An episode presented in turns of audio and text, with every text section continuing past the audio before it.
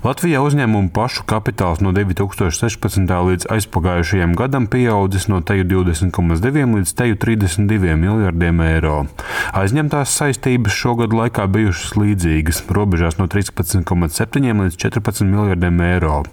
Tajā pat laikā Igaunijā uzņēmumu pašu kapitāls ir teju 50 miljardi eiro, bet aizņemtais kapitāls nepilns 21 miljards. Bet Lietuvā uzņēmumu pašu kapitāls bija 51,6 miljardi, bet aizņemtais teju 30 miljardi eiro.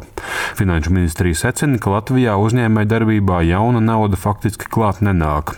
Ja Latvijas uzņēmuma kredīt saistības uzņemtos tādā līmenī kā vidēji Eiropas Savienībā, tie apgrozītu būtiski vairāk, klāstīja finanšu ministrs Arvils Ašrādens no jaunās vienotības. Tas, ko es šobrīd varētu pateikt, ir Latvijā tātad trūkst 5 miljārdu eiro tirgu vēl papildus, lai tirgus normāli funkcionētu. Ja, tas veido to atšķirību, kas ir Latvijai pret pārējiem Baltijas tirgiem. Kad mēģināsim dizainēt nākamos, nezinu, ceru, ja, līdz februāra beigām plānu vispār, ko šo darīt. Jo altums ir tikai viens elements.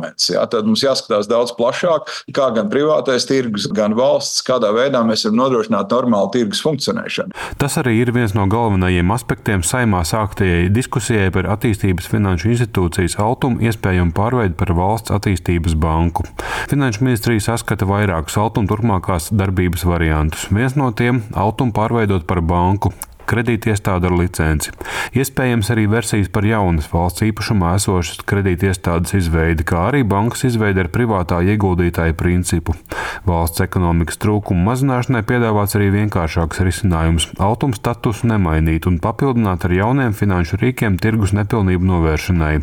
To komentēja Finanšu ministrijas finanšu tirgus politikas departamenta direktore Aija Zitcere. Finansējumu pieejamība uzņēmējdarbībai ir kaut kas tāds, ko var īstenot absolūti efektīvi, kā esošais attīstības institūcijas modelis. Jo faktiski, ja mēs liekam klāt jau kaut kādu komercdarbību, tas rada vēl diezgan lielu arī papildus to administratīvo slogu. Abu saimnes komisiju deputāti gan piekrita, ka šis variants, zinot problēmu, pielīdzināms kosmētiskajam remontam.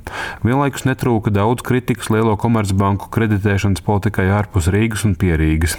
Iespējām uzņēmumiem Latvijā aizņemties jābūt būtiski lielākām. Valsts attīstības banka šo kustību varētu veicināt, pārvilnot lielu daļu klientu no komercbankām. To uzsvēra arī saimnes opozīcijas deputāts Ainārs Lesers no Latvijas pirmajā vietā. Un es teikšu tā, ka kapu zvans zvana. Tad, kad tu esi pa tādu attālumu izrāvies, tad zināmā mērā tev ir vairāk naudas finansēt infrastruktūras projektus valstī.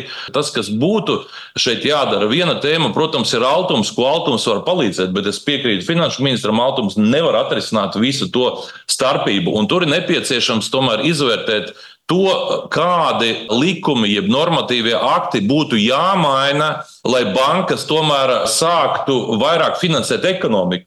Latvijā darbojošos komercbanku pārstāvji šīs dienas sarunā gan nepiedalījās. Diskusija par valsts attīstības bankas veidošanu turpināsies janvāra nogalē.